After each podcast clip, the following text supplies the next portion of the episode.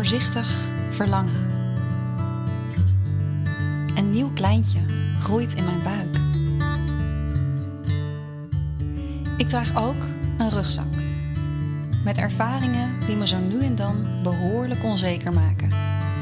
En mooie inzichten geven. Ik ben Margriet. Tijdens deze zwangerschap deel ik wat ik op mijn pad ontmoet. Mijn belevenissen? Oei, oei, wat vliegt de tijd. Inmiddels uh, ben ik 20 weken zwanger.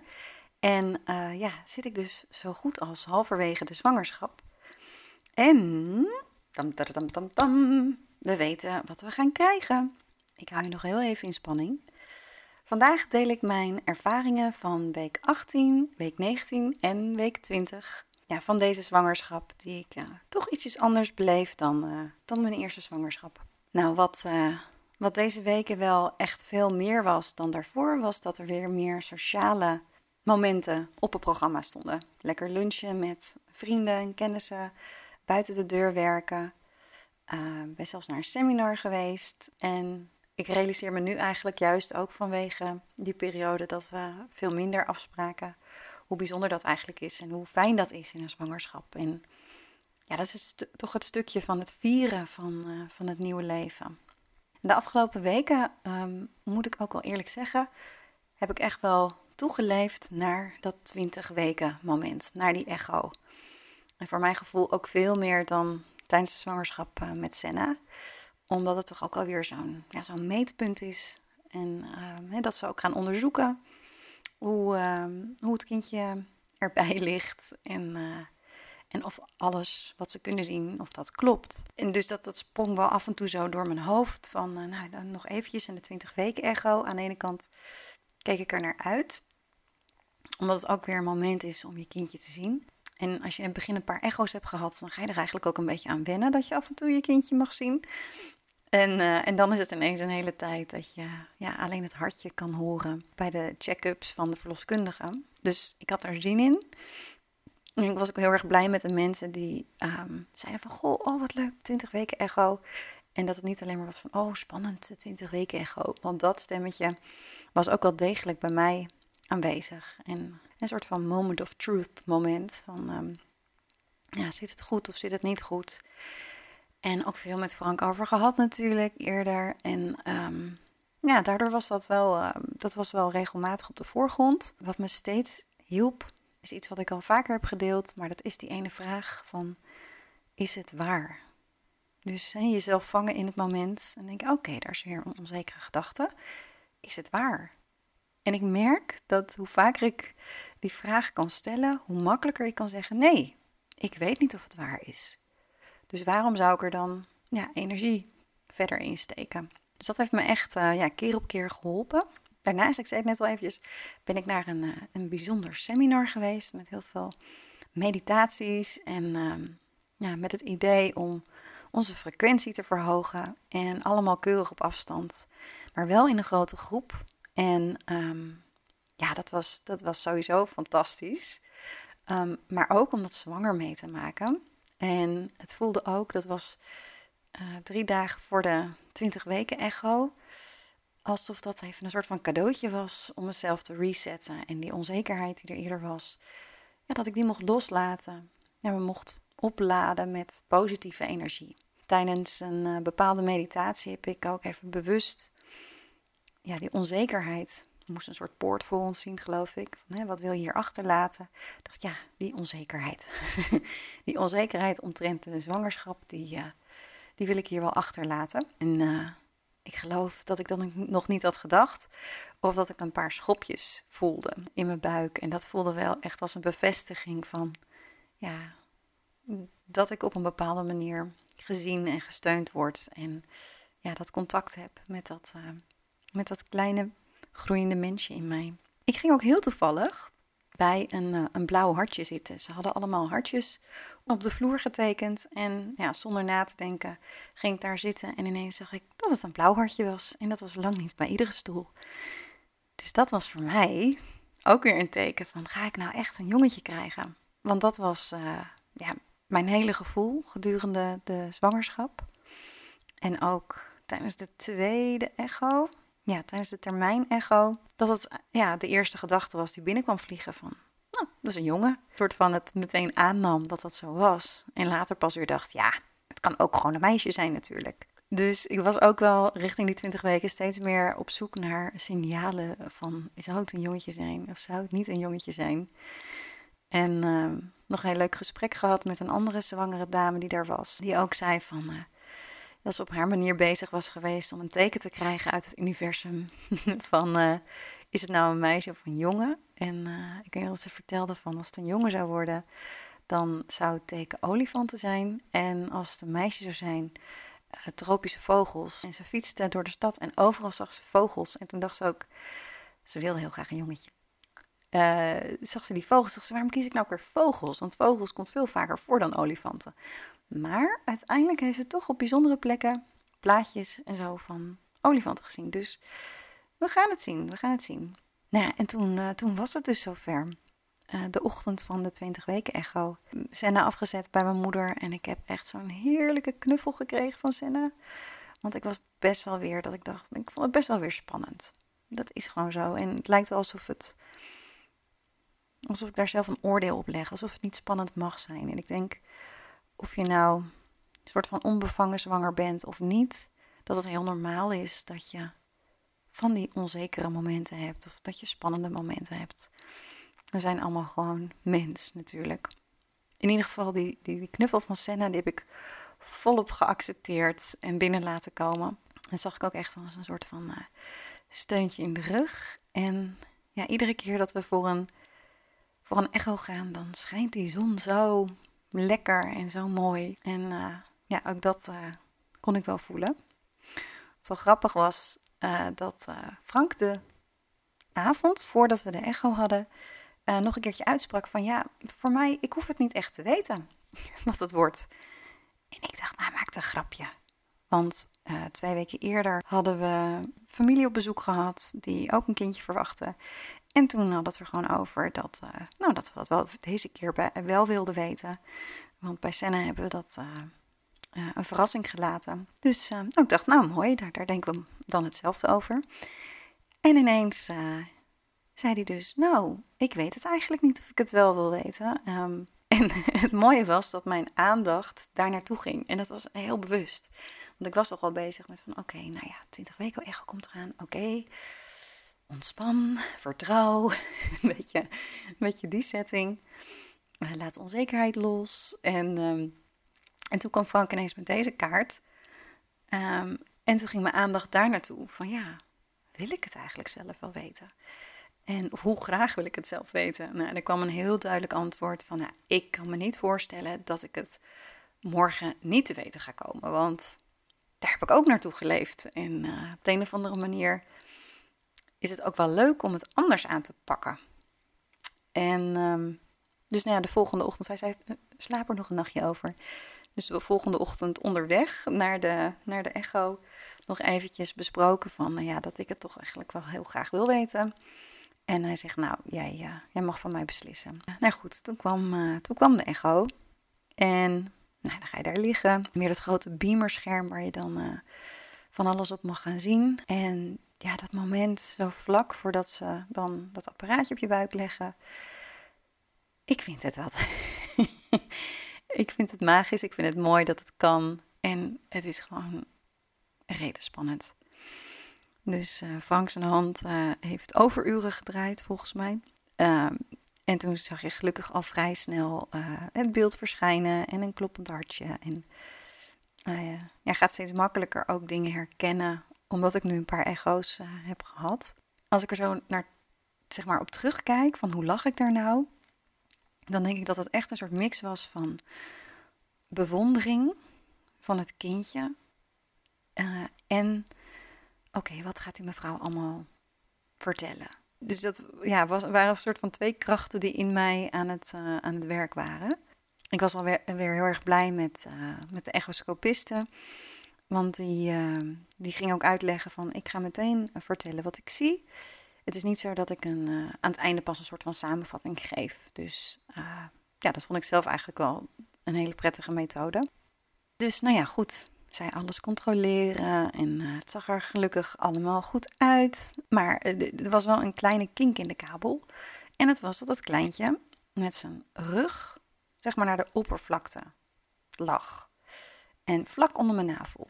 Waardoor het um, ja, goed bekijken van alle kanten gewoon eigenlijk niet mogelijk was. We zagen wel heel goed die twee voetjes en uh, de, de hersendelen en het ruggengraatje. Echt zo'n soort van slakkenhuisje. Uh, dat konden we allemaal goed zien, maar de rest was eigenlijk niet zo goed te zien. Dus ze zegt, nou, je mag eventjes uh, gaan plassen. Dat helpt, want ik had eh, weer een hele volle blaas. Ik ben heel braaf in die dingen. Een volle blaas helpt dan. Een extreem volle blaas helpt dus blijkbaar ook niet bij een 20 weken echo. Dus um, ik mocht eventjes plassen. Ja, in mijn hoofd was ik ook wel bezig met, oh, wat, ja, wat gaat het nou zijn? Nou wist ik het nog niet. We waren 20 minuten bezig geweest. En uh, ja, wisten we nog niet of het een jongetje of een meisje zou worden. Er, wordt daar verbouwd in die uh, praktijk. En uh, ik liep per ongeluk een toilet binnen waar een bouwvakker stond te plassen. even een rare wending in dit verhaal. Met de deur open. En hij zei zoiets van, ja, want hij moet ook en toe plassen, hè? En ik dacht eigenlijk, oké, okay, gek grapje. Maar de nadruk hoe die op, die hij op hij legde, dacht ik, ja, zie je wel het gaat wel een jongetje worden. Dus dat was wel mooi. Nou, nog even gesprongen, gedanst, een soort van billendans gedaan. Allemaal in de hoop um, dat het kleintje zou draaien. Op mijn zij gaan liggen, nou, andere zij. En nou ja, eigenlijk uh, wilde het allemaal niet zo uh, werken. Maar toen ik dus op mijn zij ging liggen, keek ik onder het tafeltje van de echoscopisten. En wat zag ik daar staan? Blue Wonder. En dat is dat spul volgens mij dat ze op je buik uh, smeren, die gel. Maar ja, het heet wel Blue Wonder. Dus toen dacht ik weer van dit is een signaal. nou goed, toch nog een keertje proberen. En uh, ze ging ook nog wel uh, ja, een klein beetje hè, proberen om iets meer te kunnen zien van het kleintje. En toen ineens zei ze, nou, zo kun je het wel goed zien hè. Wat gaat het worden? Dus ze legde de bal bij mij. En ja, ik dacht het duidelijk te zien. Maar ja, je voelt, ergens heb je ook zoiets van, ja, wat nou als ik niet goed zie? En dan, ja, nou ja, in ieder geval, ik zei, is een jongen. Zij zegt, ja, dat is het zeker. dus um, toen werd, uh, werd alles bevestigd eigenlijk. Het mooie is dat het, uh, dat het ook zo binnenkwam van we krijgen een zoon op dat moment. En ook dat Frank een zoon gaat krijgen. Op een of andere manier vind ik dat voor een vader ook wel iets heel moois of zo. Ik vind het heerlijk om een dochter te hebben. En een tweede dochter was ook fantastisch geweest.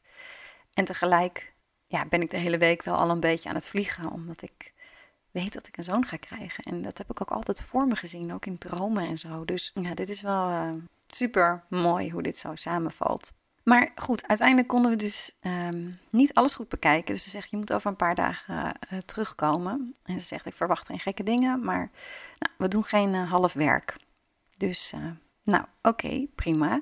Dus die dag het lekker gevierd en ik had twee ballonnen, een roze en een blauwe ballon, opgeblazen om het op die manier aan, uh, Senna te vertellen. Dus we zaten lekker met mijn moeder en met Frank en Senna aan een stukje taart. En toen zei ik van, nou doe jullie ogen dicht.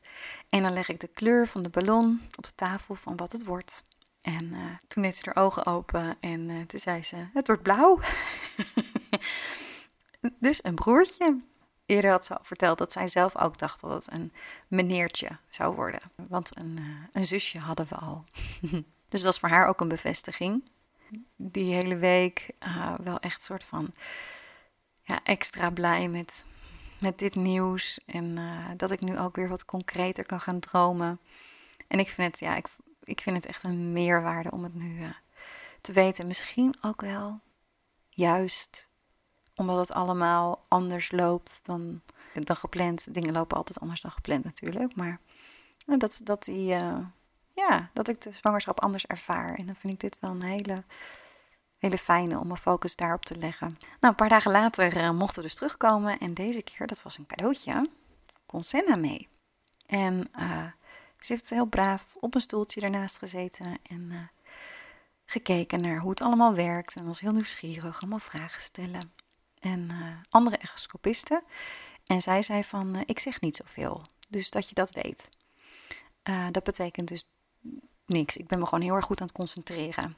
Ik dacht, oké, dat is een andere aanpak dan dat ik die maandag had gehad. Maar goed, ja, ieder zo'n zijn, zijn eigen manier. En wel heel goed en fijn dat ze, het, dat ze het even van tevoren zeggen. Nou, deze keer was er duidelijk meer beweging en was, uh, ja, was hij lekker wakker. Het eerste shot eigenlijk dat we kregen was zo'n handje tegen het hoofd aan als een soort van oh, drama queen. En dat zei ze dus ook. Ze zegt, nou, wat een drama queen, hè?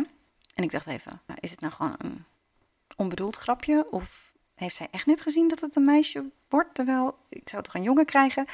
En ik denk dat zij dat aan mijn hoofd zag. Dus toen zei ze van, het wordt toch een meisje? En ik zo, uh, nee, nee, nee, nee. Uh, tenminste, dat was maandag niet, uh, niet gezegd. Maandag was een jongetje gezegd. Ze zegt, oh, nou, dan gaan we eens even goed kijken. En toen zei ze, nee, het wordt echt een drama king hoor. dus dat was nog even een soort van bijzonder momentje. Nou ja, eigenlijk dat is ook wel interessant hè, hoe je daarnaar kan kijken. Die 20 weken echo is spannend. En dan wordt hij in tweeën gehakt. En dan denk je, jeetje, ik dacht nu een soort van die spanning los te kunnen laten. Maar het is maar hoe je ernaar kijkt. Het was ook een cadeautje om Lucenna mee te kunnen nemen. En om zelf nog een keertje te kunnen kijken naar dit, uh, deze prachtige kleine man.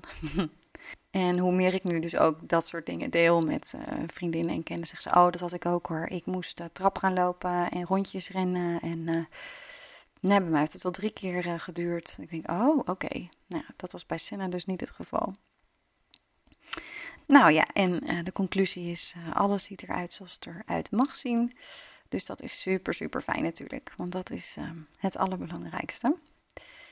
En um, nou, dan ga het delen met mensen. Ik merk dat de mensen ook voorzichtiger reageren dan dat ik zou willen. En dan dat de vorige keer het geval was, voor mijn gevoel. En vorige keer bedoel ik dan eigenlijk de zwangerschap van Senna, die eigenlijk zo vlekkeloos is verlopen. Uh, dus dan krijg ik bijvoorbeeld een berichtje terug van, nou, hopelijk gaat het nu voor de rest ook verder goed. En dan denk ik, ja, maar daar wil ik van uitgaan dat het voor de rest goed gaat. En het gaat natuurlijk helemaal niet om wat zij zeggen en hoe zij het bedoelen. Het gaat erom te drukken op dat knopje bij mij van die, uh, van die onzekerheid. Maar ik vind het wel soort van opvallend dat, uh, dat de mensen om me heen, niet allemaal overigens, er zijn er ook een aantal die blijven juist heel expliciet hun vertrouwen uitspreken. En dat, zo, dat, is, dat is heerlijk.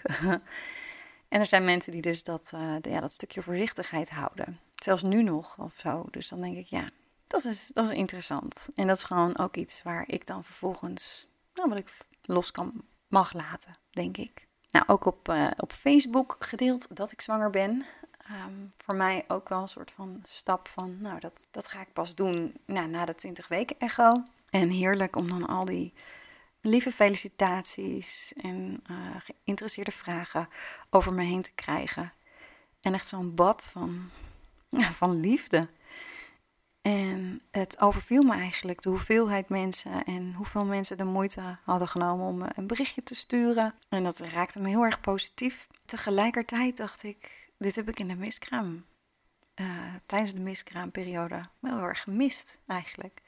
Toen waren er een aantal mensen van op de hoogte en die hebben me echt super goed gesteund. Dus ik weet niet of het helemaal eerlijk is wat ik nu zeg. Maar meer het contrast van uh, het geluk, zeg maar, wat je kunt ontvangen als iemand reageert op je zwangerschap. En hoe groot dat is en hoeveelheid kaartjes, heb ik al eens eerder over gehad, is zo groot. En um, op het moment dat het een, een miskraam is, dan ja, deinzen mensen een beetje terug of zo. Tenminste, dat is wel mijn gevoel. En ik heb het natuurlijk ook, ik heb het bijvoorbeeld ook niet op Facebook gedeeld. Misschien ga ik mijn ervaring nog een keertje delen. Dus in die zin heb ik mijn Facebook-vrienden ook niet de kans gegeven om, um, om daar net zo groot en met zoveel liefde op te reageren. Dus het is niet helemaal een eerlijke vergelijking, besef ik me nu. Um, maar het contrast voelt ergens wel gek. Dat je uh, eigenlijk dezelfde hoeveelheid liefde nodig hebt, maar het makkelijker krijgt op het moment dat het ook echt om iets heel vrolijks gaat. Wel mooi, uh, ja, mooi inzicht eigenlijk. Nou, binnenkort um, gaan we ook uh, het gesprek aan met het ziekenhuis. Want Senna is met een keizersnede um, ter wereld gekomen. Um, dus dat betekent eigenlijk automatisch dat ik in het ziekenhuis uh, moet gaan bevallen. Volgens mij ook al eerder wat over gehad. Ik ben er nu oké mee. En ehm, nou, binnenkort is ook een gesprek over de wensen en de mogelijkheden die daar zijn. En ja, wat ik vooral voor mezelf ga, ja, op de voorgrond ga zetten in dat gesprek. En ook misschien wel in de voorbereiding richting de bevalling is hoe ga ik genoeg ruimte en rust creëren omheen. Want ik wil het echt heel graag een natuurlijke bevalling laten worden. En ik weet nu ook, dankzij eerdere ervaringen, dat het ook een stukje loslaten is. En, dat het een, een, bevallingsplan, dat dat heel leuk klinkt. Maar eigenlijk wat ik net al zei, het leven loopt niet volgens een bepaald plan. En een bevalling dus ook niet. Maar dat neemt niet weg, vind ik, dat je wel mag kijken wat heb ik nodig en in hoeverre kan ik dat proberen voor elkaar te krijgen. En uh, nou ja, goed. Dus dat gesprek gaat er ook aan komen. Dus langzamerhand begint de focus nu te gaan naar: oké, die uh, ja, bevalling die dan over twintig weken of zo uh, gaat, gaat plaatsvinden. Als ik het zo hardop zeg, denk ik: jeetje, deze eerste twintig weken die zijn ook weer zo voorbij gevlogen. Ondanks dat ik ze heel bewust heb meegemaakt. Een beetje, ja, ergens blijft het allemaal een beetje, ik wil zeggen ongeloofwaardig. Kan ik het toch nog niet helemaal vatten. Dat ik uh, weer mama mag gaan worden. Gelukkig heb je daar die zwangerschapstijd voor. Nou, om nog even uh, luchtig af te sluiten. Um, wat, wat echt zo is, is dat ik niet meer in mijn jassen pas. Niet meer lekker in mijn badpak pas. En dat ik ook moeite heb om mijn schoenen aan te doen. En dat ik dus halverwege zit. Dus um, ik heb maar met mezelf afgesproken dat ik veel Senna's hulp ga inschakelen. Niet zozeer voor mijn badpak, maar wel voor mijn, uh, voor mijn schoenen bijvoorbeeld. Uh, voor mijn gevoel was dat uh, veel later in de, in de zwangerschap pas een, een dingetje dat je niet meer zelf je veters kon strikken. Maar goed, een, ja, een volgende zwangerschap of als je alles vaker zwanger bent geweest, is misschien ook wel wat anders. Dank je wel weer voor het, het luisterende oor en hopelijk heeft het jou ook iets gegeven door hier naar te luisteren. Uh, wil je iets met mij delen? Zoek me op. Uh, vind ik altijd fijn. En uh, voor nu wens ik jou een hele fijne week en heel veel liefs voor jou. Hopelijk heb je genoten van deze aflevering van Voorzichtig Verlangen en heeft het je iets gebracht. Wanneer dat zo is, dan maak je me heel blij met een positieve beoordeling. Misschien ken jij iemand die nu zwanger is en ook onzekerheid ervaart. Dan is deze podcast voor haar en mag je hem zeker delen.